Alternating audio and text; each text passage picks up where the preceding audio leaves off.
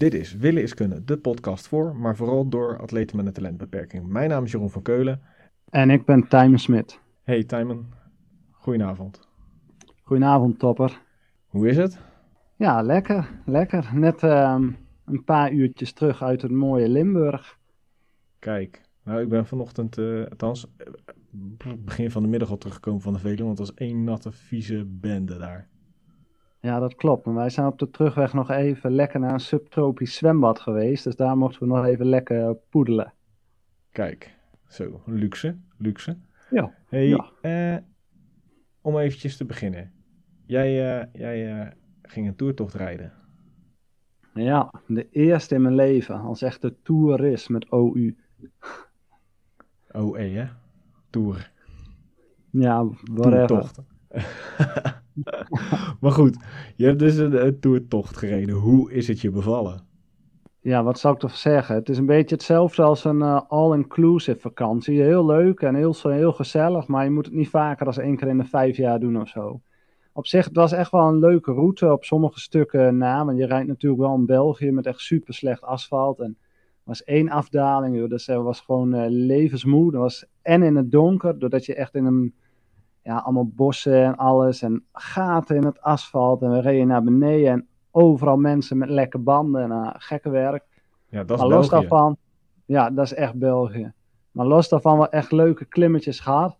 En wat ook erg jammer was, dan zie je op een verkeersbord dat je acht kilometer van Hoei af bent. Ik dacht van, ja, daar kunnen we door een muur van Hoei op. Dan kan ik uh, het kommetje van Volverde aanvallen. Gaan we die niet op. Dat was ook wel jammer.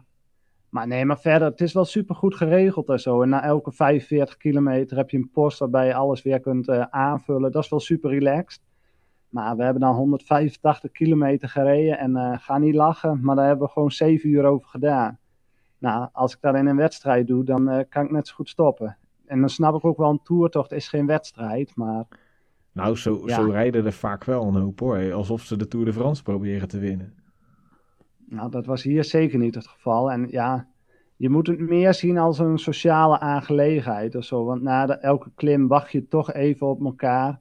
En we hadden dan 7 uur netto tijd, maar onze bruto tijd was ruim 9 uur. Dus als je kijkt naar de oh. Steven Kruiswijk uh, efficiëntie, was die niet al te best. Po, po, po. Ik zie, ik zie dat niet zitten hoor, zo lang. Dan nee. vind ik dat, dan, oh nee, dan word ik echt heel erg... Uh, misschien een keer een dagje. Ik heb wel eens met mijn oude mentor een dagje op de fiets doorgebracht. En die man was toen al uh, richting de. Ja, die was toen al in de 70. Ik denk uh, begin 70. Eind, eind 60, begin 70. Een dagje 200 rijden. Met heel wat klimwerk. En ja, dat was toch wel dat ik dacht van. Uh, poh, 13, 13 uur over gedaan. Ik dacht dat ik niet goed werd. ja. Ja, en dan komen hey. ook niet mijn leuke kantjes naar boven. Dan wil soms ook, ook gewoon doorrijden. En dan gas erop en dan niet zeuren. Maar ja, wat ik zei, het is vooral voor het sociale. En ja, als je dat af en toe doet, één keer in de vijf jaar, dan is het prima. Ja, dus niet over te vaak. vijf jaar ga ik weer het tochtje rijden. Ja, gewoon niet te vaak dat soort grappen. Want dat is, ja, dat is niet leuk meer. hey, trainen. Hoe is trainen gegaan? Ja, trainen is uh, stiekem wel heel erg lekker gegaan. Ondanks, um, ja, op zich, je zit toch zeven uur in het zadel, ook met die toertocht. Dus er was wel een goede duurprikkel. En uh, ja, lopen gaat lekker. Deze week iets minder gezwommen, want ik had al een paar keer goed mijn hoofd vol zitten van de. En dat is meteen een uh, stukje waar ik ook met jou wil, uh, even over wil sparren. Hè? Want je, je hebt soms, dan heb je um, een leuk plan in gedachten van, joh, dat ga ik die dag doen en dat ga ik die dag doen en dat wil ik zo en zo doen.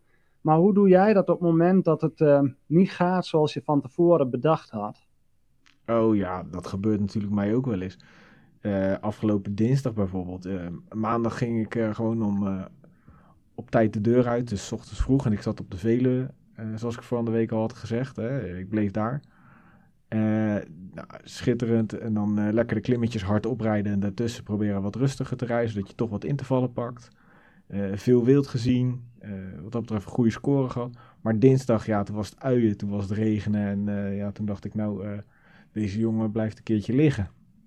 En uh, dat overkomt me niet vaak, maar ja, uh, dan accepteren dat het zo is. Gewoon uh, kijken of het op een later moment op die dag wel kan. En gelukkig kon dat. Kon ik s'avonds nog even twee uur gaan, gaan rijden. Was het ook nog steeds nat. Dus uiteindelijk maakte het niet heel veel verschil. Maar ja, ik heb toch die twee uurtjes gepakt en ik heb ochtends wat langer gelegen. Dus mijn lichaam was net even wat beter hersteld. Dus ja, weet je, ik probeer daar dan het voordeel van in te zien. Omdat ik weet dat ik woensdag een relatief rustige dag heb. Dat ik dan uh, in principe gewoon beter hersteld ben voor die rit van dinsdag. En weet dat ik donderdag gewoon weer volle bak er tegenaan kan. heb je dan nooit dat je je schuldig voelt? Tuurlijk. Altijd. Op het moment dat ik dan wel uit bed kom en dan baal ik dat ik gewoon niet ben gegaan. Want ik, had, ik heb daar ook een trainer staan. Dus ik kan mijn fiets had ik ook in de trainer kunnen klikken. Mhm. En deze keer koos ik ervoor gewoon om, om te blijven liggen. Ja, weet je, soms, uh, soms maak je die keuze. Ja, wat mij wel eens helpt, maar dat is wel. Uh, dat is een hele goede triatleet, die heeft al eens gezegd, en dat is dan vrij vertaald. Dat was Tim Dawn, een hele goede Engelsman, die zei van. Ja, soms gaat het niet altijd zoals het gaat. Want uh, soms komt er iets tussendoor en dat is het leven. Mm Nou, mhm. daar probeer ik me wel eens aan vast te houden. Want sommige dingen zijn gewoon niet te plannen. En ja, de ene keer kan ik dat makkelijker uh, in mijn hoofd wegzetten dan de andere keer. Dus nee, maar ik was wel benieuwd hoe jij dat deed. Ja, gewoon accepteren dat het een keer er een dag niet in zit. Net zoals dat je een training hebt die van tevoren denk je, nou weet je, is redelijk te doen. Weet je, zitten wel wat zwaardere stukken in. Ja, dan heb je, heb je een training met, met, met lange, hoge vermogens. En dan, uh, en dan voel je gewoon na de tweede interval, kak, mijn benen willen gewoon niet.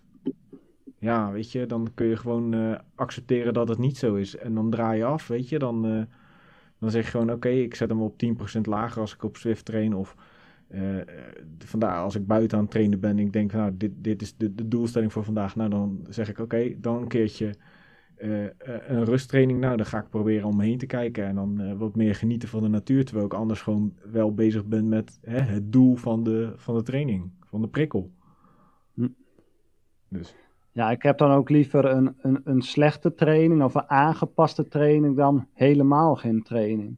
Snap je oh, wat ik bedoel? Ja, dat snap ik wel. Maar ik kies er dan wel eens voor um, om met opzet om dan te zeggen van oké, dit is wat het is. Blijkbaar is mijn lichaam dus niet voldoende hersteld. Uh, althans minder dan dat ik aanvankelijk dacht en uh, uit, uit andere metingen, zoals van mijn horloge, uit is gewezen. Nou, dan is dat zo. Dan, dan accepteer ik dat. En dan, of, of ik kies ervoor om dan eerst een uur rustiger te gaan rijden.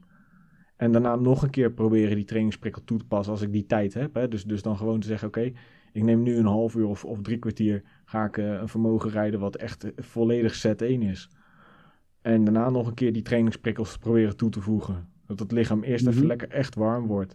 En dan alsnog uh, de keuze maken om, om, om zo er uh, tegenaan te gaan. En je zegt meting aan loosje, bedoel je dan je, rug, uh, je rusthartslag of je battery modus? Wel, waar, waar kijk je dan naar? Ja, het is zowel naar mijn battery mode als, als naar mijn snapshots. Ik heb nu een nieuw horloge en daarin zit een snapshot. En dan kun je dus de, de, de intervaltijd tussen twee hartslagen, de, de, de variabiliteit uh, daarvan meten. En daarin in merk ik wel dat ik absoluut uh, uh, kan zien of ik een beetje goed hersteld ben. Oké, interessant, interessant. Maar goed, hè, we moeten dat niet, niet meer maken dan dat het is. Het is maar een, een meetinstrument. Maar ik denk wel dat het, dat het een voordeel kan hebben. Ik, zeg niet dat het het altijd is. Dus dat, ja, dat, daar, daar meet ik aan in ieder geval af. Dan, dan weet ik in ieder geval, oké, ik kan nu een zware training pakken. En soms lijkt dat niet waar te zijn. En soms uh, denk ik, uh, ja, volgens mij moet ik helemaal niet zwaar trainen. En dan denk ik, volgens mij heb ik veel meer kracht. Ja, weet je, dat wijkt wel eens af. Maar ik moet zeggen dat ik het steeds betrouwbaarder vind. Dus, okay. En de rest van de week, want uh, je hebt, je hebt minder gezwommen, maar nog wel een paar goede hardlooptrainingen gedaan ja, wel een paar goede hardlooptrainingen gedaan. Dan komt meteen de eerste tip van de uitzending. Ga geen uh, patat eten voordat je een uh, tempoloop moet doen, want dan sta je te vaak in de berm met de broek op de... Time, time, time, time, stop. Wij maken deze podcast voor atleten. Niet voor de amateur die voor het eerst komt kijken en die voor het eerst hardloopschoenen gekocht heeft van twee tientjes. Ja, maar wij, soms wij, wij denken dat we iets verder zijn. Maar op welk moment dacht je namelijk dat het wel een goed idee was? Ja, nooit, maar ehm, ja, zoals ik net al zei, soms komt het leven tussendoor. We kwamen op de oh, laat op de camping aan, dacht oh, snel even een frietje halen en dan kan ik daarna nog lopen. Kunnen die meiden naar bed en dan uh, kan ik nog even mijn tweede looptraining doen. Nou, dat had ik beter niet kunnen doen. Maar Hoeveel procent, van de, hoeveel, hoeveel procent van de friet heeft het de looptraining niet uitgelopen? Met jou samen. Ik denk dat alles er ondertussen wel uit is gekomen. Aan de onderkant wel te verstaan. Oké, en het volgende gedeelte. Ehm, nou, dan zal ik nog even over mijn training vertellen. Ik had donderdag nog eh, een extra vrije dag. Geen, eh, geen studie, dus eh, duurtraining gereden op de racefiets. Ging wel, ging wel oké. Was niet, niet extreem goed, maar... Dus dat was voor mij een extra zaterdag. Vrijdag eh, lekker gerust. Niet zo heel veel gedaan. Beetje gewoon het leven gedaan, hè, gezinsdingetjes. Voor zover ik dat heb. En zaterdag eh, ik een duurritje gedaan en ik had heel de tijd het gevoel alsof die, eh, die rem aanliep. En ik kwam terug met een gemiddelde van 33,1 bij eh, 145 kilometer en eh 700 nog wat hoogtemeters. Dus dat is op zich niet onaardig, maar ik had toch gewoon continu het gevoel dat, dat die achterrem aanliep of zo. Was weliswaar op de TT, maar die klimmetjes die voelen daar. Het, wa- het was heel de tijd wind tegen. Voor mijn gevoel. En al die klimmetjes op de Veluwe met die tijdrit fietsen, dat is ook niet ideaal. Maar het is wel goed voor je vermogen om dat lekker omhoog te krijgen. Mhm. Maar eh, ja, ik had vandaag eigenlijk nog een recovery ride gepland. Maar ja, het leven en eh, in dit geval dan de regen die eh, vanochtend op de Veluwe zo verschrikkelijk was. eh deed ons besluiten om, eh, om eerder naar huis te keren. En ja, dan heeft het voor mij geen nut meer om, eh, om laat in de middag nog eh, op die fiets te kruipen. Dus ik heb alles weer klaargezet voor morgenochtend. Vijf uur beginnen we weer. Dus, eh, dus dat was mijn week. eh, wel wat meer uren gedraaid dan vorige week. Maar ja, toch een dagje moeten missen. Ja. Nou, klinkt goed toch? Ja, nee, het was ook absoluut niet onaardig. Maar het was gewoon eh, ja, jammer dat ik vandaag dat, eh, dat ritje niet meer kon doen. Hm. Hey, eh, even, even een kleine rectificatie. Ik heb vorige week over My Windsock gesproken en ik zei dat dat maar een tientje was. Dat is niet zo, dat is drie tientjes. Ehm, blijkbaar is dat verhoogd of, of was het altijd zo. Ik, ik had in mijn hoofd dat het een tientje was wat ik betaald had. Ehm, en ik wil daar gelijk ook even bij eh, aanmerken dat het ook voor het lopen gebruikt kan worden. Dus hebben, eh, je kunt het op twee manieren berekenen voor je fiets en voor het hardlopen. Dus ik denk dat absoluut voor heel veel triatleten die het parcours goed kennen, van absolute meerwaarde kan zijn voor je, voor je pacing strategy. Zeker. Nou, Niet? dus Oh, nogmaals, even, even die, eh, die site checken. Ja, maar de- denk jij niet? Ik bedoel, ik kan dat niet goed beoordelen of dat voor triatleten dan handig is, ook voor het loopgedeelte. Ehm, ja, is, mm, even denken, ja, is een lastiger. Het ligt een beetje aan hoe je gewend bent om te pacen. Sommige pacen op hartslag, sommige pacen op, eh, op loopsnelheid, maar sommige, en dat is een beetje nu upcoming, net zoals met het wielrennen, die pacen echt op wattage. Dus dat je met zo'n ehm, dan eh, doorverbindt naar je horloge, waardoor je ook een ehm, vaste waarde krijgt als wattage. En daar zou dat, denk ik, maar dat weet ik ook niet, daar zou dat denk ik op gericht zijn. Ja, dat durf ik je eigenlijk niet te zeggen. Ik weet in ieder geval dat ze dan de, de factor wind en, en, en luchtdichtheid meenemen. En eh, nou, uiteraard of je stijgt of daalt en in, hoe welke mate. Maar Mhm. ja, ik, ik, jij zou het een keer moeten uitproberen om dan je bevindingen daarvan, want dat kan ik echt niet, daar kan ik niks over zeggen. Ja, komen we op terug. Oké. Er was afgelopen, afgelopen week een wedstrijd. eh, de race around eh Nieder-Oostenrijk. Dat is een eh, ultrawedstrijd van 600 kilometer en kleine 7000 hoogtemeters.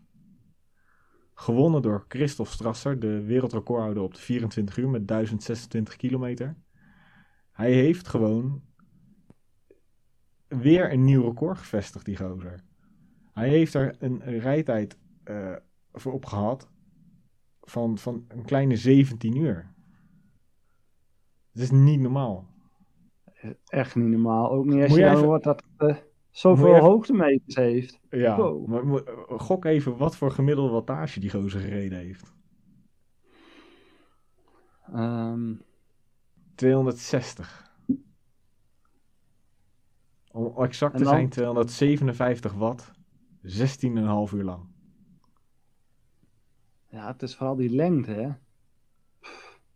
Ja, ik kan me daar dat geen is- dat bij maken. Dat is gewoon hetzelfde wattage wat hij gereden heeft tijdens die 24 uur.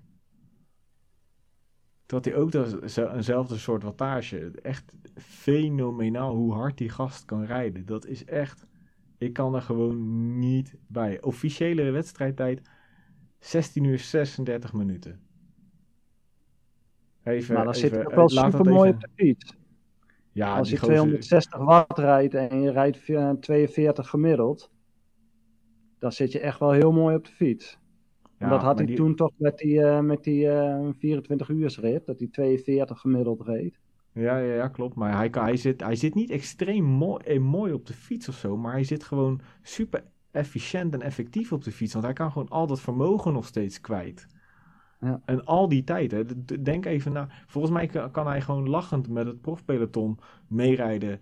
Uh, alleen wat hij net zo goed niet kan als dat ik dat niet kan, is die versnellingen steeds. Daar hebben wij moeite mee, het, ons, soort, ons type atleten. Mhm. Steeds opnieuw uh, die versnellingen. Maar toen ik het zag, en uh, ja, toen dacht ik, man, wat is dat toch een fenomeen. Ik vind dat zo asociaal, dat je zo verschrikkelijk goed bent. Ja, ja dan heb je wel heel veel talent. Ja, dat is niet eerlijk. ik, zou gewoon 10% van dat, ja, 10% ervan willen. Ja. Hey, even, even, ik had die dinsdag hè, gereden in de nattigheid en heel die fiets smerig. Kom ik gelijk eventjes bij mijn uh, ja, stip, wat ik laatst heb gezien en waar ik zelf een beetje over na had zitten denken. En dan is die hele fiets helemaal smerig. Nou, je kleding is helemaal smerig, maar goed, daar hebben we de wasmachine voor. Nou, dan ga je fiets poetsen. Nou, die ketting die moeten we helemaal schoon, want ik wil altijd met een schone ketting rijden. Dus uh, één keer in de week wordt die schoongemaakt, wordt die opnieuw gewakst. Maar dat hele waxproces, dat is altijd zo'n gedoe. En ik gebruik dan een, een, een, een, een, wax op, op eh, waterbasis. Dus dat betekent gewoon dat wax in een uh, vochtsubstantie zit. Die smeer je in de ketting en dan droogt de vocht uit. En dan blijft de wax achter in de ketting. Maar om het beste effect te hebben, ben ik er nu achter. Eerst moet je natuurlijk heel die ketting schoonmaken. Dan is die ketting nat. Dan doe je hem af met een doek. En dan moet hij weer drogen, drogen, drogen. Nou, wat ik dan heel prettig vind en heel makkelijk vind, is om hem met de föhn te doen. Dus de föhn op de ketting te zetten. En dan die ketting helemaal lekker warm maken. En door droog, dan is die en sneller droog. En op het moment dat ik dan de wax aanbreng, is, uh, smelt die wax gewoon beter binnen de ketting. Uh, dat heb ik in verschillende filmpjes voorbij zien komen op YouTube. Eén daarvan was uh, Dylan Johnson. Die, uh, dat is een trainer-coach die ook gravel races en mountainbike races wint. volgens mij ook een oud-Amerikaans kampioen mountainbiken. Ehm, die daarover heeft. Ik zal het linkje naar dat filmpje zal ik even opzoeken en in de show notes zetten voor de mensen die daar interesse in hebben. Maar wat, wat, dat, wat dat voor effect heeft, is dat die wax die je dus, ehm, die vloeibare wax, die gaat dan makkelijker tussen de rollers van de ketting, waardoor je gewoon meer wax in de ketting hebt en je uiteindelijk dus langer doet met dezelfde hoeveelheid wax die je erop smeert. Dus even gelijk een tippie. Verwarmen die ketting. Nou, goeie. Dus uh, weet je, pak de föhn van je vrouw, of als je vrouw bent, uh, uh, heb je er misschien zelf een. Maar die wax uh, verwarmen, die kan je al lekker in de, in de zon zetten. Of in ieder geval even in, in een bakje met warm water, zodat die wax lekker warm wordt. Die ketting goed verwarmen, zodat die boven de 26 graden wordt, die ketting. Hij hoeft niet kokend heet te zijn, maar dat die wax gewoon goed tussen al die metalen delen komt. Uh, je bespaart op je ketting, je ketting wordt nog stiller. Wat ik echt absoluut prefereer, stille ketting. Piepende of krakende ketting en ik ga niet naar buiten, ik ga niet weg. Vind ik echt verschrikkelijk. En dan gelijk een aansluitend tipje erop Neem een beetje van dat wax. Neem dat mee in je, in je achterzak. Dat je altijd nog even, als het een keer echt nodig is, iets kan aanstippen zodat de piep of kraak eruit is. En waar neem je dat nou weer mee? Als je sushi eet, dan krijg je van die visjes erbij waar de, uh, waar de saus in zit, de sojasaus. Die helemaal schoonmaken, goed schoonmaken. En daar doe je dan een beetje wax in. Doe je, draai je het dopje er weer terug op. Past precies in zo'n uh, in zo'n pouch of in, in je achterzak. Perfect. Absoluut. Die kwam uh, Jeroen laatst vertellen. En bij de eerste volgende keer sushi zat hij er ook bij. Nou, dit was geen visje, maar meer een vierkant blokje met zo'n rood dopje erop. Nou, goed uitgespoeld. En ik heb uh, zo'n mooi uh, stuurtasje. Nou, super. Daar zit hij perfect in. En van het weekend meteen gebruikt. Want ik had geen wax meegenomen naar, naar Maastricht. Ik dacht, ja, ik hoor hem toch een beetje. Dus een beetje aanwaksen. En nou, het was weer weg. Super. Dus bedankt voor de goede tip, Jeroen. Super hey, maar nu zijn we bij mijn uh, favoriete kopje aangekomen. En dat is het kopje ergernissen. oh, los. Ergernissen, oh ja. pff. In eerste instantie tegenvallende weer, maar goed, daar hebben we het net over gehad. Ik haat dat. Daarom train ik echt, eh denk eh 40 tot 50 procent van al mijn trainingen binnen. Want ik, ik kan gewoon, ja, ik ben gewoon niet gemaakt voor regen. Ik, ik weet niet, vroeger kon ik er redelijk goed tegen. Als het regende ging ik lachen, maar tegenwoordig, ik heb er zo'n scheid hekel aan. Ik, ik ben daar niet voor gemaakt. Althans niet meer. Op de een of andere manier. Sinds dat ik ook eh, met Swift en zo. Dan denk ik, nou, ik kan prima 4,5 uur binnen trainen. Dat boeit mij helemaal niets. En ik bedoel, het is nog sneller ook. Want anders moet je al die winterwielen meuk aantrekken. Regenjasjes en gedoe. Ik heb het ook niet eens meer, die kleding. ja. Ik heb nog een paar oude overschoenen en ik heb ze al gewoon vier jaar niet meer aangehad. Als die overschoenen nodig zijn voor, voor buiten, dan betekent het dat ik binnen blijf. Ja. Maar ehm, ja, wat mijn andere eh, grote ergernis is, is dat ik eh, zat te kijken naar de kleding. En dan kom je al die mooie merken tegen, dure merken. En dan denk ik, ja, je, je, je kent ze allemaal wel. Al die populaire merken, zonder er ook maar eentje te noemen. Veel te duur. Allemaal happy de peppy kleuren. Ik, ik, ja, ik kan daar toch slecht tegen. Bij mij is een shirt gewoon of wit of zwart. Ik ben wat dat betreft misschien een beetje te saai. En wat zijn happy de peppy de kleuren dan? Maar ik vind dat juist wel wel heel leuk. Ja, die, die, die, van die dingen met bloemetjes en zo. Dat is een van mijn favoriete shirts. ja, ja ik, ik, ik, iedereen moet het zelf weten natuurlijk. Maar dan, eh, of, of van, die, van die, tegenwoordig heb je veel van die Bordeaux kleuren. Of van die eh, aparte kleuren blauw of geel of groen. Of, of van dat zandkleur. Of van dat, eh, ja, dat camouflage groen. Dus niet een camouflage patroon, maar echt dat camouflage groen voor gravelers. En dan denk ik, ja, kom. Ja, ik weet niet, ik, misschien ben ik wat te conservatief of zo, maar geef mij maar gewoon of een, ja, geef mij maar gewoon een, een wit shirt of, of een zwart shirt of, of een shirt met twee of drie banen erover. Ja, dat, dat, witte broek dan. dan, mag dat? Ja, maar alleen als je Mathieu van der Poel heet of Jeroen van Keulen in 2013. Ja, inderdaad. Is alleen voor kampioenen. Ja, nou, niet dat ik toen een kampioen was, maar ik had toen wel een, wit, een witte broek. Omdat mijn shirt toen. eh, ik had toen eh, shirts laten maken en broeken laten maken met al mijn sponsors, destijds mijn sponsors erop. En die was gebaseerd op het shirt van HTC, eh, wat Cavendish droeg. En die hadden daar witte broeken bij. Dus ja, uiteraard was mijn broek destijds ook wit met zwarte vlakken. Ja, dan moet je zeker niet in de regen gaan rijden. Nou, in het begin ging dat wel, maar naarmate die broeken dunner worden, dan, eh, ja, dan heb je eigenlijk niks aan. En, en Kun je net goed wat- in je blote reet rijden. Ja, maar dat- och, eens met die Tour toch ook. Dan hebben ze wel zo'n zo'n dure merkenbroek aan. Alleen ik denk al van 50 jaar oud of zo. En niemand heeft ze verteld dat die achterkant er allemaal weggesleten is. Nou, ik wist niet hoe snel ik die gast in moest halen. Verschrikkelijk. Als ze Jij de mond jij- ver jij open doen, dan eh, schijnt het gewoon licht. Ja, nou, Dus dat, dat. dat is wel verschrikkelijk. Maar ik moet zeggen, eh, soms zitten broeken gewoon te lang te lekker. Ik heb ook wel eens oude broeken gehad en die gebruikte ik vervolgens dan alleen nog maar voor binnen. Maar dat ik binnenkwam, dat mijn vrouw zie, zei, eh, schatje, ik zie echt alles. Ja, op zich niet zo'n probleem, want jij weet toch hoe alles eruit ziet. Ja, maar het is echt geen gezicht. Nou, maar ik gebruik hem alleen binnen. Ja, ik denk dat die toch weg moet. Nou, uiteindelijk is hij dan met eh, veel pijn en moeite weggegaan, die broek. Maar ja, ik, hij zat echt perfect. Die zat gewoon zo goed. Hey, maar wat vind je wat wel en niet kan dan? Want zoals eh, Education First, die hebben dan ook met roze en volgens mij ook een blauwe broek en dan weer roze sokken. Als ik met mijn dochters wielrennen kijk, het eerste wat zij roepen is, waar zijn die roze wielrenners? Ja, dat, dat weet ik niet. Dat vind ik, dat, bij profs vind ik daar is een ander belang. Daar is, daar is eh, commercie gewoon.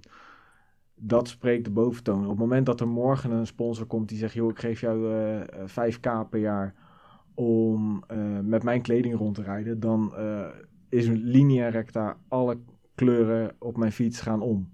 Hè, dan, eh, dan is dat niet zo'n probleem. Maar dan is er een commercieel belang. Maar zolang ik zelf helemaal kan kiezen hoe of wat, en dat vind ik eigenlijk met alle sponsoringen. Hè, daarom ben ik ook heel terughoudend met, met eventueel nieuwe sponsors zoeken voor mezelf.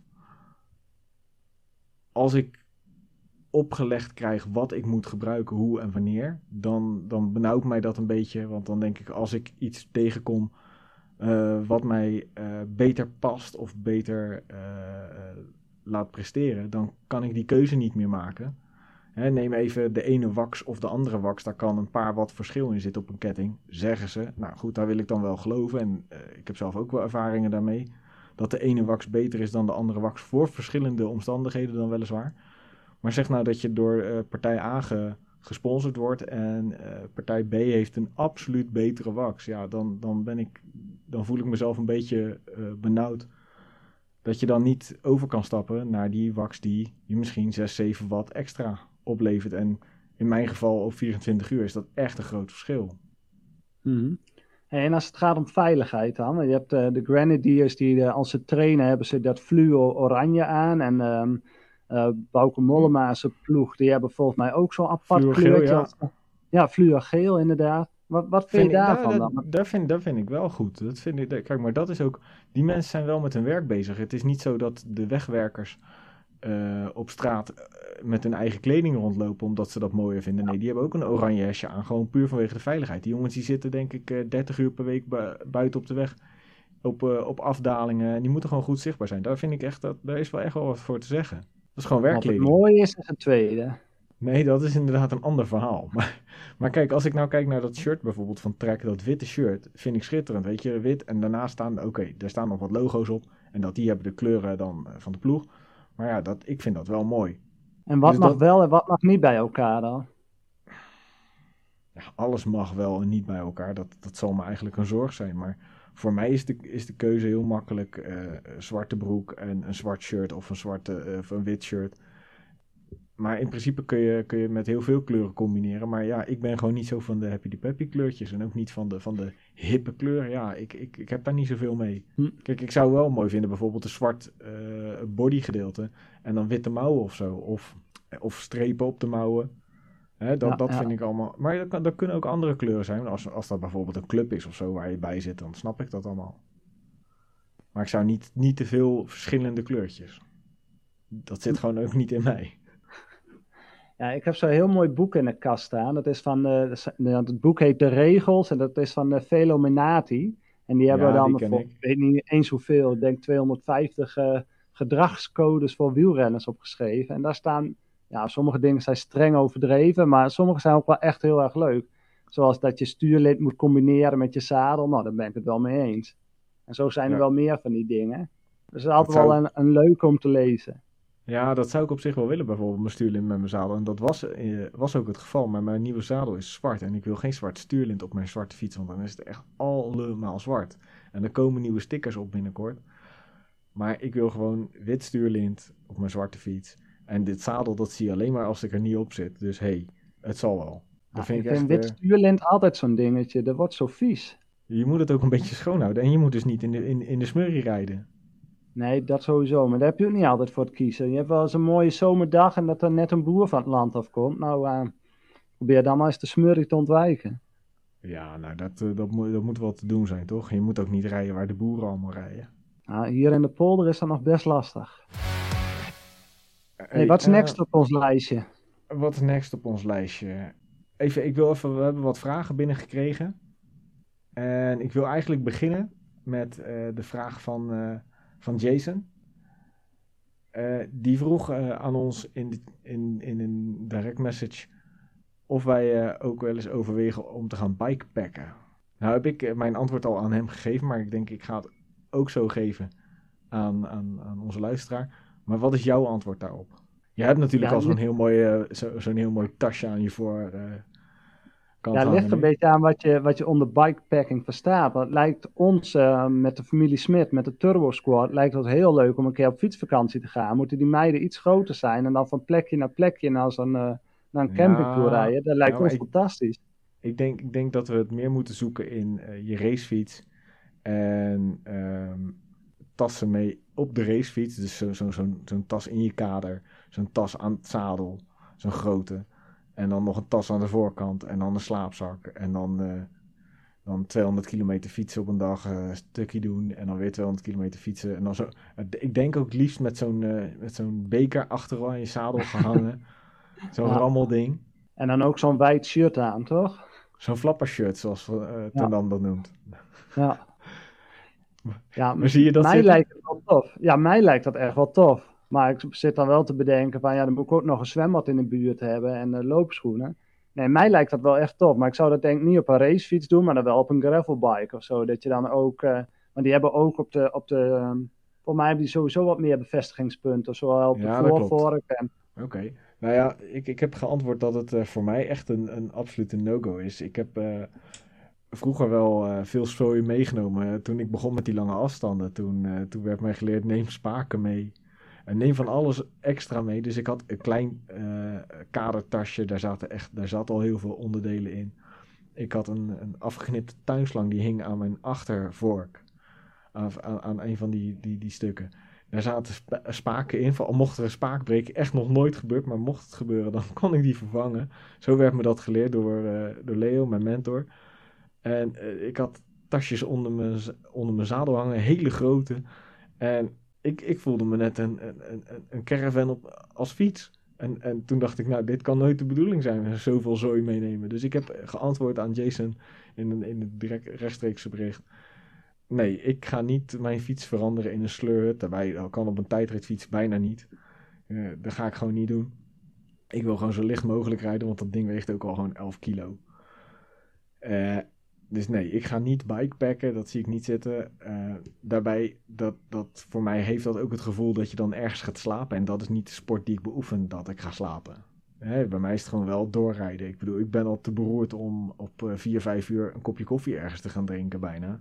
Ik bedoel, wij hebben dat laatst eh, een keer gedaan, een kopje koffie ergens drinken. Ja. Maar in de basis denk ik gewoon, laten we gewoon lekker doorrijden. nou, dan doe je dat als je klaar bent. Koffie moet je Ja. verdienen. Schijnt, schijnt een heel goed merk mee te adverteren, maar daar ben ik het wel mee eens. Dus, dus dat, is, dat is eventjes eh, eh, eh, vraag 1. Dan hebben we nog een andere vraag. Wat is de, een, een, een goede manier om accuraat wattagemetingen te krijgen? Of om je wattagemetingen eh, te weten of ze accuraat zijn of niet?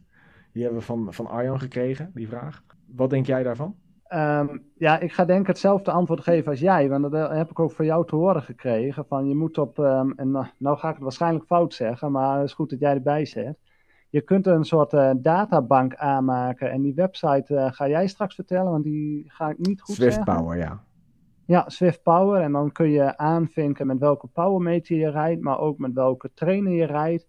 En die maakt dan een soort ehm, ja, lijngrafiekje, toch? Maakt een lijngrafiekje aan en dan kun je zien ehm, wat het verschil is. Dus daaraan kun je volgens mij redelijk goed zien of je een accuraat ehm, ja, weergave van je wattage hebt. Nou ja, dat in ieder geval wat het verschil is tussen we- twee wattagemeters. Wat, wat, ik, Ja. eh, wat ik zou zeggen is, kalibreer eh, je, je powermeter. Kijk, het wordt het probleem op het moment dat je maar één powermeter source hebt. Ehm, wat ik daarmee bedoel is op het moment dat je alleen een trainer hebt met wattage of hebt, of alleen een powermeter op je fiets, dan wordt het lastig om te weten hoe accuraat die is. Dan kun je wel kalibreren en dan kan die kalibratie zeggen dat die gekalibreerd is en dat die accuraat is. Maar dat kun je eigenlijk alleen maar weten op het moment dat je een tweede of een, ook nog een derde hebt. Waar je dat tegen af kunt zetten. Die allemaal zeggen dat ze accuraat zijn. Dan kunnen ze allemaal uiteraard nog evenveel afwijken. Maar dat is zeer onwaarschijnlijk. Wat ik zou doen is op het moment dat je alleen een powermeter hebt in je trainer. Wat voor veel mensen denk ik nog steeds het geval is. Is om een powermeter op je fiets aan te schaffen. Daarmee bedoel ik ehm, dat je dan kunt zien als je ze allebei kalibreert. Wat de afwijking is. En of je op de juiste manier eh, gebruik maakt van beide powermeters. Dus dan krijg je dus eh, dat ze beide over een tijdsbestek van 10 seconden, ehm, ik noem eventjes eh, 200 watt eh, draaien. En dat er een afwijking is van 1% wat eh, een, een afwijking is die als zijnde toelaatbaar voor een nauwkeurige meting moet gelden. Ja, dat is volgens mij helder, toch? Ja, nee, dat Ja. vind ik ook. Dus dat zou mijn advies zijn op het moment dat je wil weten of je powermeter accuraat is of je, of je trainer accuraat is. Ja, dat is gewoon heel lastig vast te stellen. Dan zou je Ja. kunnen kijken of je een vriend hebt die, eh, die wel een powermeter heeft op zijn fiets. Door die op jouw trainer even een kwartiertje te laten rijden. En dan even die files naast elkaar te leggen via Swift Power. Even kijken, hè, wat, wat geeft de trainer aan en wat geeft de eh, powermeter aan. En als ze allebei gekalibreerd zijn, eh, dan, kun je, dan zouden ze in principe niet, niet zo heel veel mogen afwijken. wat je dan wel nog hebt, is dat de ene trainer de andere trainer niet is. Als je een wiel-on trainer hebt, en dat betekent dat je met een achterwiel erin rijdt, dan is dat een power estimator, niet een power meter. Dus die op basis van het aantal omwentelingen uh, is dat een geschatte waarde. En die kan redelijk accuraat zijn, maar dan heeft wel te maken met de temperatuur en met de banddruk die erop staat. Uh, dus die zijn, die zijn niet zo nauwkeurig. Dus die verschillen soms wel 5 tot 10 procent. En als ze ouder worden, wordt dat vaak wat meer. En als je een direct drive trainer hebt, dus waar het achterwiel uitgaat, dan uh, zijn er ook nog een aantal die je met een schroef kunt stellen. Hoe nauwkeurig ze zijn, dan heb je vaak een, een getal, een, een, waarde die je in de calibratie moet invoeren. Uh, of, of, zichtbaar is. En daar moet hij dan iedere keer op uitkomen. En dan kun je hem stellen met een stelschroef, zoals bij de uh, trainer die ik heb. En als die dan op de juiste getallen staat, dan is die accuraat. En mocht je nou zoiets hebben van, joh, dit is wel heel technisch. Nou, ik kan je vertellen, ik ben niet A-technisch, maar ik ben triple A-technisch. Stel gewoon je vraag in, um, uh, in welke bron dan ook. En um, ja, Jeroen kon het mij uitleggen, dus voor iedereen is de hoop. Heb je je vragen over, stel ze gewoon en het, ja, dan gaat het goed komen. Hadden we nog meer vragen, Jeroen? Ja, we hadden er nog eentje. En dat was uh, de trapfrequentievraag. Die kregen we van Erik. Uh, Erik zijn vraag was eigenlijk van joh, wat is het verschil van trapfrequentie voor de wielrenner en de triatleet? En ik vond die aanvankelijk een beetje lastig. En waarom vond ik die lastig? Omdat ik geen wielrenner ben, nog een triatleet.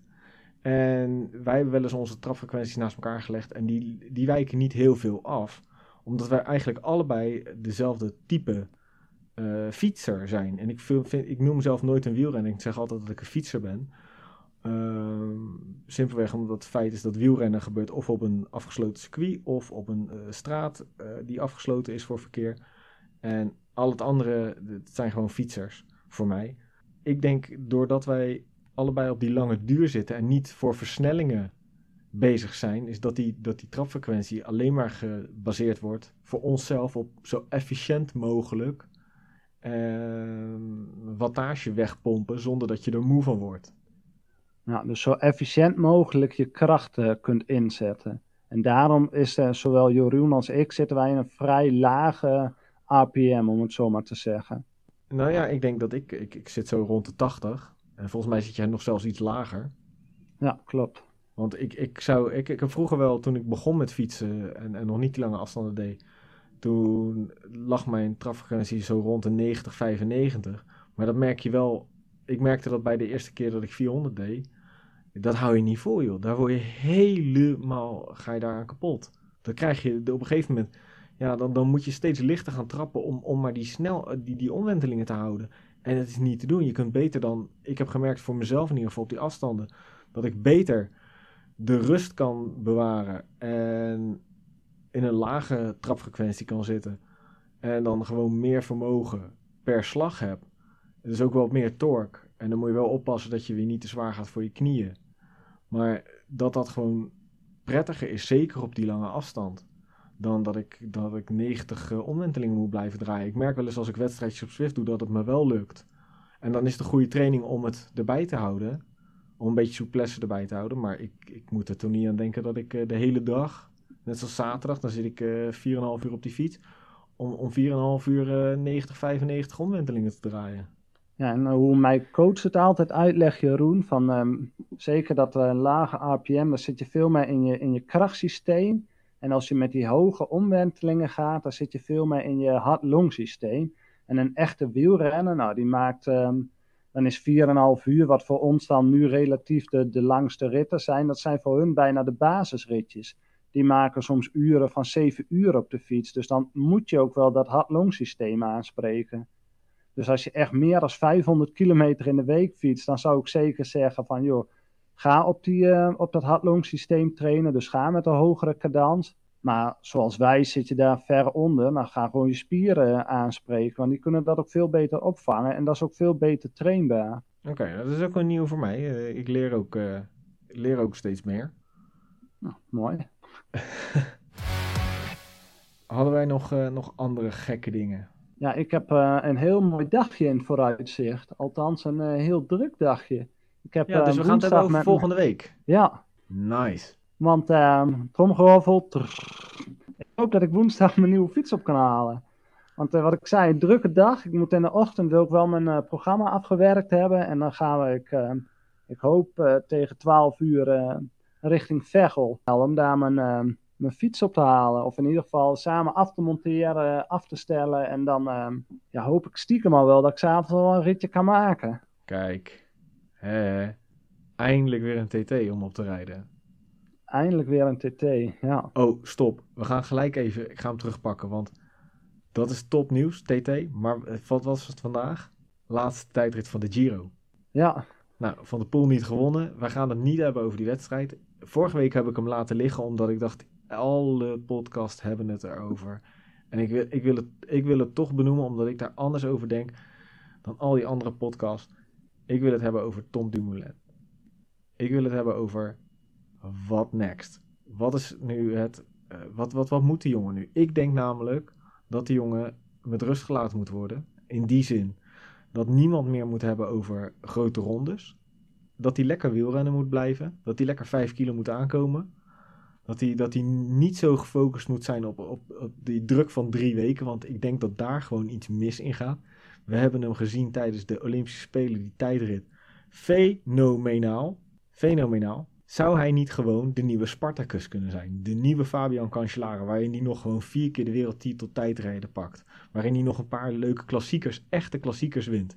Want ik denk dat met zijn vermogen, en als hij gewoon wat kilo's erbij krijgt, dat hij nog meer vermogen heeft. Dat hij best nog wel eens gewoon ook die jongens als Van der Poel het moeilijk kan maken. In ja, dat zou mij heel leuk lijken. Ja, ik, bedoel, ik zou het heel, heel jammer vinden als nu ehm, als hij van het toneel zou verschijnen. Daar zou ik echt een ehm, ja, bijna een traantje om moeten laten. Maar zou, zou dat niet gewoon voor hem ook veel meer relaxed zijn? Dat hij gewoon zich kan focussen op die dag en dan is die dag weer voorbij. En dan is het niet erg dat je die niet wint. Want het, ik denk er gewoon voor hem dat die druk van drie weken. Ik weet, ik denk dat, ik, dat er heel weinig mensen zijn die goed om zouden kunnen gaan met drie weken lang elke dag niet verliezen. Ja, nee, inderdaad. En het, ja, het is ook wel wat. Want als je één keer de Giro gewonnen hebt, de hele, hele volk zit op je schouders te duwen. En er is een molensteen om je nek. Ja, ik snap dat wel. En hij blijft ook gewoon een mens, hè? Ja, nou ja, goed. Maar misschien is, er gewoon, is, is het gewoon niet, niet zijn echte, echte doel voor, voor het wielrennen. Maar misschien moet hij gewoon inderdaad uh, die, die, die klassiekers en die tijdritten, zoals, zoals Fabian Cancellara dat deed en dan denk ik echt dat hij ook nog zelfs in de grote ronde mee kan rijden. Maar dat hij dan niet de druk hoeft te hebben van ik moet uh, kort staan, ik mag, mag, niks verliezen. Nee, dan kies je gewoon je dagen uit. En dan misschien kiest hij gewoon een keer een vluchtdag uit waarin hij gewoon mee zit. Maar misschien, ik, ik denk dat hij, dat, uh, dat hij een soort van Van de Poel zou kunnen zijn. Ja, ik denk gewoon dat hij de, gewoon de verbeterde Cancellara kan zijn. En gewoon al die tijdritten pakken en ook het voorjaar lekker mee kunnen doen. Want ik heb ooit een keer een interview, en dat is denk ik al wel vijf jaar geleden gelezen dat hij ook zei van, joh, na die grote rondes, dan wil ik wat aankomen, wil ik juist die, op, op die klassiekers richten. Volgens mij heeft hij dat ook een keertje in de, in de podcast gezegd van, uh, van het AD, van In het Wiel. Ja, dus, dus, ja, wat let hem om dat, uh, om dat te gaan doen. Ja, hij is nog jong genoeg om daar echt nog een paar jaar succesvol in te kunnen zijn. Zeker. Ik bedoel, uh, Dylan van Baarle kan ook Parijs-Roubaix winnen. Nou, ik bedoel, Dylan van Baarle is gewoon een topwielrenner. Daar, daar niks aan afdoen. Maar ja, waarom zou Tom Dumoulin dat dan niet kunnen? Zo is het. hey, dan gaan we even de week afmaken. Wat staat er nog verder op jouw week? Ja, ik heb uh, een lekkere trainingsweek. Want uh, ja, we zitten in de laatste vier weken tot mijn eerste grote wedstrijd. Op Challenge Road in uh, Duitsland. Dus ehm, morgen is ehm, zwemmen in de ochtend, s avonds op de fiets een intervalprogrammaatje. Dinsdag is een uh, dubbele loopdag. Woensdag, wat ik net ook al zei, wordt een druk dagje. Want dan wil ik uh, alles in de ochtend gaan doen. Om op tijd in Veghel te zijn, is het uh, fietsen, zwemmen, fietsen. Twee uur, zwem of twee uur fietsen, anderhalf zwemmen, nog een keer anderhalf fietsen. Dus dat wordt op tijd opstaan. donderdag is het um, duurloopdag en zwemmen. Vrijdag alleen zwemmen. Zaterdag uh, lange rit en daarvoor nog een beetje lopen en daarna even uh, een testloopje, 5 kilometer volle bak, meteen van de fiets af. En zondag open watertraining en hadden loopinterval, zo uit mijn hoofd. Oké. En jij? Nou, ik heb eh, echt een drukke week met, eh, met veel school. Dus ik heb, eh, ik heb gewoon weinig tijd. Maar morgen heb ik eh 2,5 uur gereserveerd van 5 tot, tot half 8. Met eh, eh, een workout met het eh PWWNL groepje. Ehm, en dan nog een wedstrijdje erachteraan. Dat heb ik dinsdag ook staan. Dan heb ik woensdag mijn rustdag. Dan heb ik donderdag echt. Dan moet ik van 5 tot, eh, tot 7. En dan moet ik als een gek door. Moet ik, eh, moet ik me gaan haasten om op tijd op de Haagse Hogeschool te zijn. Want dan heb ik een lange dag op school. Ehm, vrijdag heb ik dan een rustdag. Dan vertrek ik op tijd met een beetje geluk naar, ehm, naar de Veluwe toe. En dan heb ik zaterdag eh, gepland om, om eh, vijf uur te gaan rijden. En zondag uiteraard een, een her- herstelritje. En ik ga nu steeds meer eh, op mijn wegfiets rijden. Dus dat is wel jammer, want ik hou echt van die tijdritfiets. Maar ik ga steeds meer op die wegfiets rijden in aanloop naar mijn doel voor dit jaar. Hè, voor het eh, 24 uur lang uh, kamerrig oprijden. Dus dat is, dat is wat er voor mij een Nice. beetje op de, op de planning staat. Dus met een beetje verdriet eh, op de wegfiets meer. Nou, alles voor het goede doel. En volgens mij beide een mooie weekend vooruitzicht. Zeker. hey, we gaan hem gewoon afsluiten. Lijkt me een goed plan. Dus mensen, hebben jullie nog vragen? Stuur ze door via Insta. Volgen willen is kunnen we even op, eh, op je favoriete podcast app. Eh, geef ons een mooie review. dat zouden we echt enorm waarderen. Heb je vragen? Laat ze achter op Instagram. En tot aan de volgende aflevering zeggen wij: Willen? is kunnen.